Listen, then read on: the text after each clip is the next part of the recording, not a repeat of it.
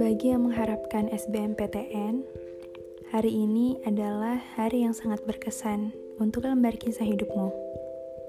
Namun, hanya ada dua kejadian yang akan muncul hari ini, yaitu diterima atau tidak diterima.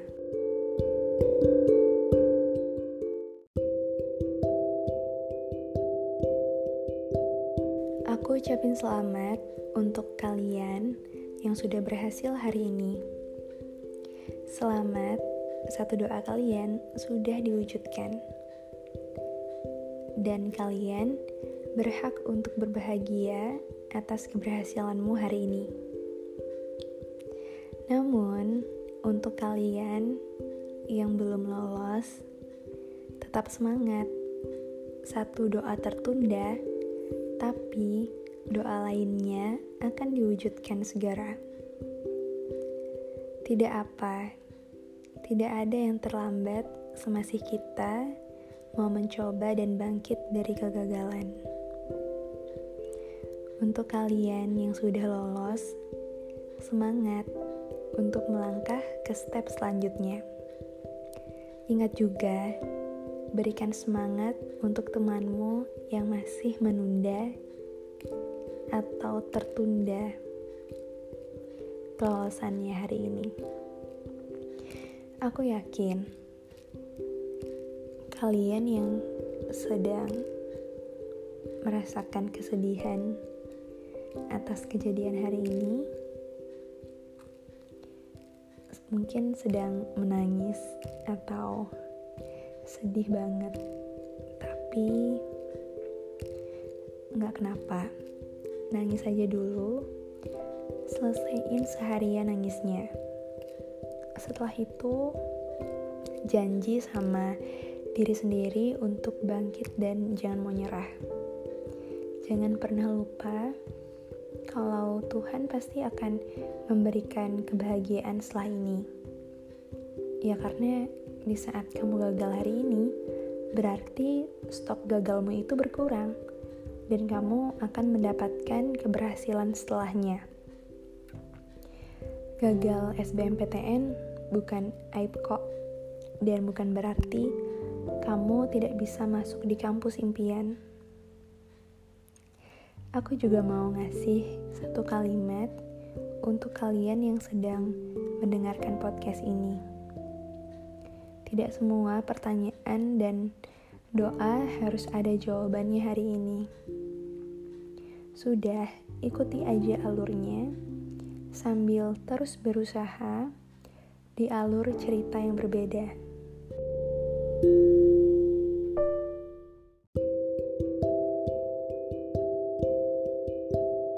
Aku mau sedikit bercerita tentang sebuah kegagalan yang pernah aku alami di tahun 2019 silam.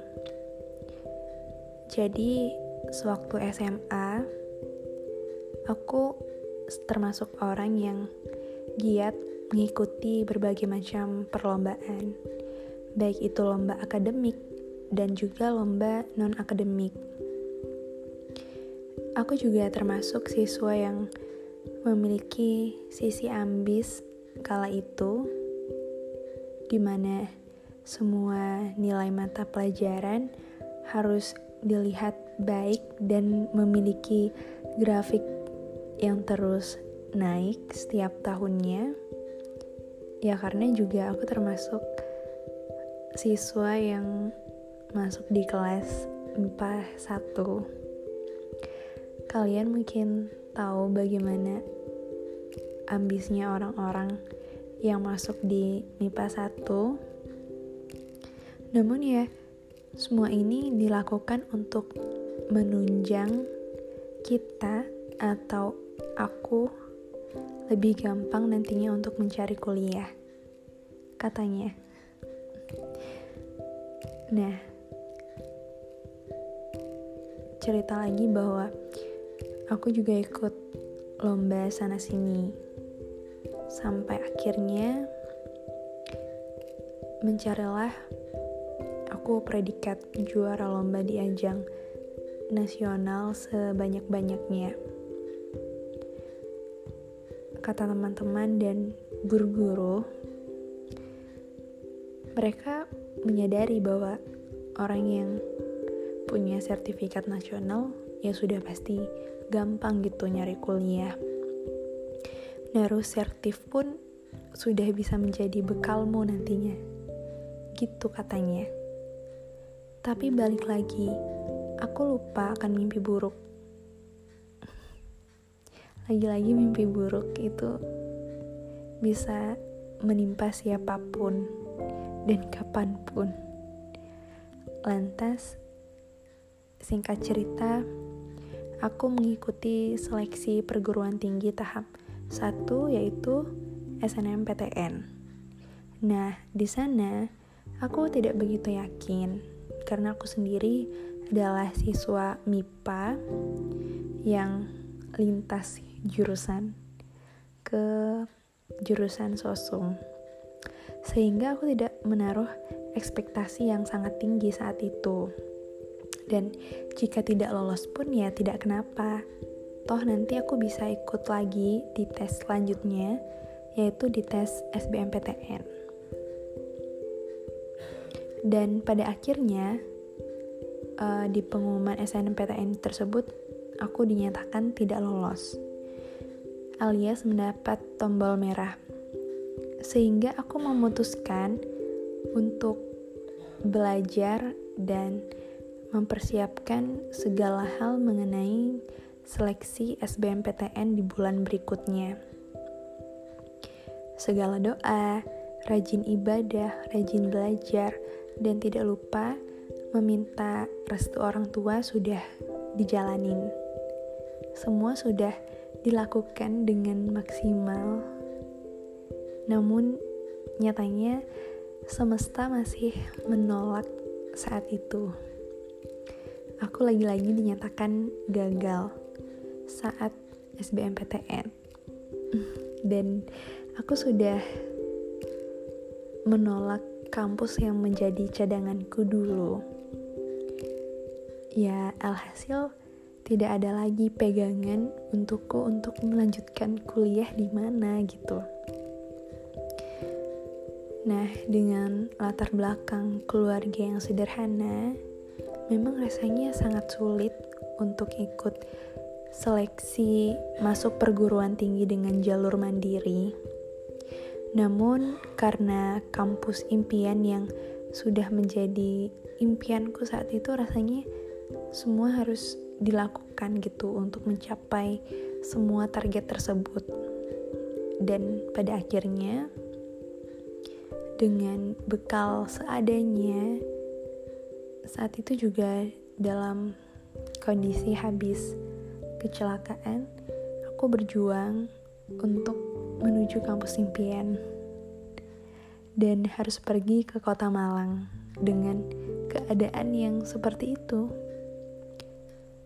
Tak lupa juga, aku berbekal dengan nilai SBMPTN, lalu uh, dengan tiga sertifikat nasional saat itu.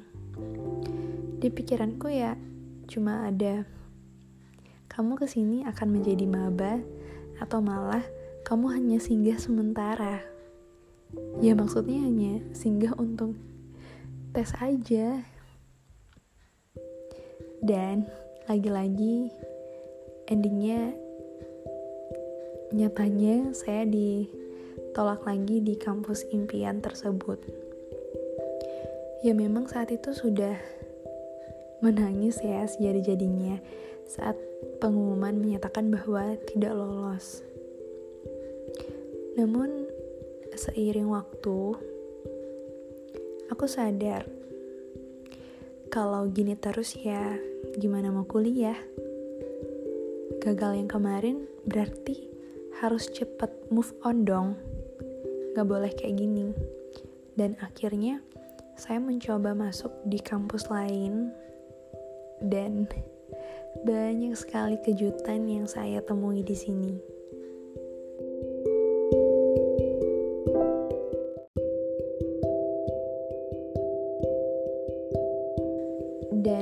Cerita, di awal masuk kuliah, aku mencoba untuk mendaftar di salah satu beasiswa. Dan alhamdulillah, aku lolos. Bebas dari uang kuliah dan mendapatkan bekal setiap semesternya. Dan alhamdulillahnya lagi, doa yang tidak pernah terucap itu yang diberikan oleh Tuhan. Aku tidak hanya lolos di satu beasiswa saja, namun aku juga lolos di beasiswa YBM BRI yang terikat selama satu tahun. Dan tidak hanya itu, aku memiliki banyak sekali kakak tingkat dan dosen pembimbing dan juga teman-teman yang sangat baik sekali. Dan itu juga termasuk rezeki yang aku dapatkan di sini. Sehingga kalau aku simpulkan nanti di masa depan kamu akan melihat sesuatu lagi ke belakang yang mengingat akan kegagalan ini dan bergumam, "Oh, Ternyata itu ya hikmahnya. Nanti sabar, belum sekarang. Karena butuh berbulan-bulan, bahkan bertahun-tahun berlalu sampai aku atau kalian akan bisa menyadarinya.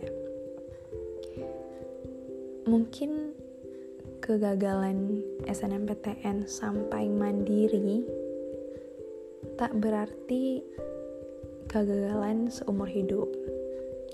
Aku tetap bisa mengejar impian dan juga dulu pernah aku berpikir kalau aku sudah lolos di kampus itu apakah kenikmatan yang sekarang aku dapatkan di sini akan aku dapatkan juga di sana ya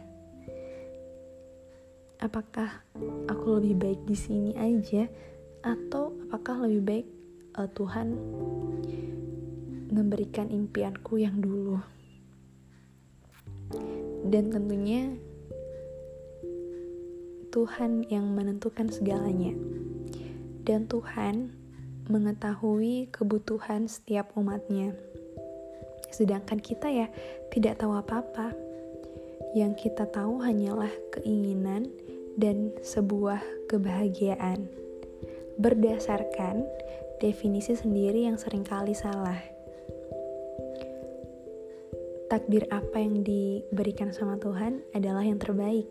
Kita aja yang belum melihatnya. Hanya karena kamu gagal dalam meraih atau mempertahankan sesuatu, bukan berarti kamu tidak layak mendapatkan yang lebih baik.